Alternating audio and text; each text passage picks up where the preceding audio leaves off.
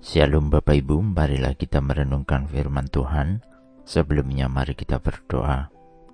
Tuhan kami hendak merenungkan firman-Mu, Roh Kudus pimpinlah kami. Di dalam Tuhan Yesus kami berdoa. Amin. Bacaan saat ini diambil dari Roma 3 ayat 18.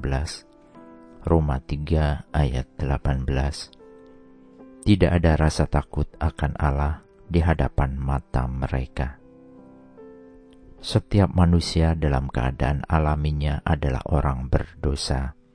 Seluruh hidupnya, jiwa dan raganya dipengaruhi oleh dosa dan cenderung menyesuaikan diri dengan dunia.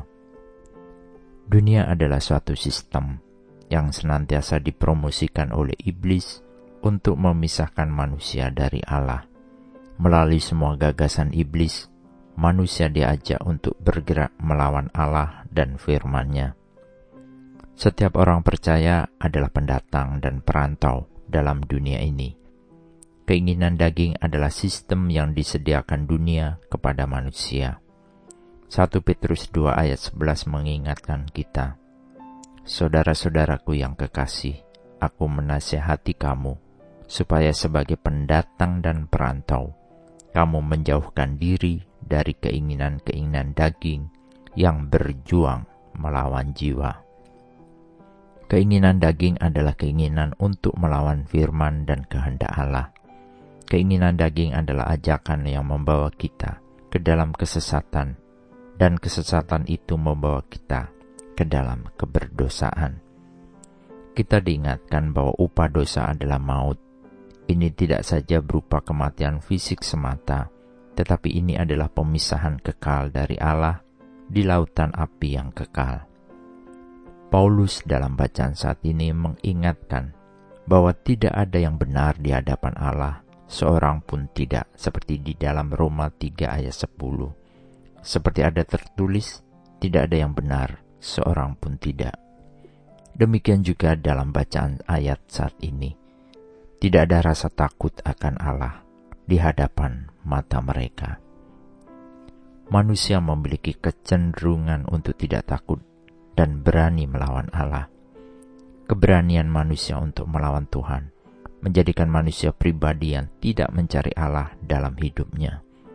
Kita dilahirkan dengan keinginan alami untuk memberontak, mementingkan diri sendiri, dan ketidaktaatan. Semuanya memfokuskan ke dalam diri pribadi manusia saja.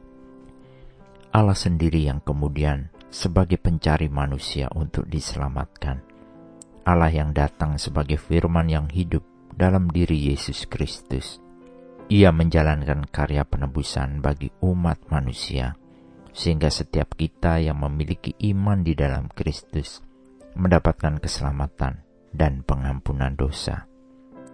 Sebagai anak-anak Allah, kita didorong untuk senantiasa takut akan Tuhan dan menghormati firman-Nya.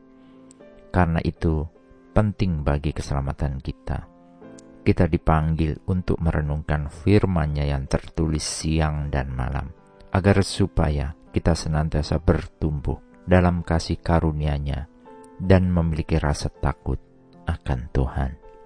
Amin. Mari kita berdoa. Bapa Surgawi terima kasih karena kami telah dibenarkan oleh kasih karunia melalui iman di dalam Kristus. Kiranya kami senantiasa memiliki rasa takut dan hormat kepada Tuhan sehingga kami hidup taat setia dan turut firman Tuhan senantiasa. Kiranya Roh Kudus yang membimbing kami. Di dalam Tuhan Yesus kami berdoa dan memohon. Amin.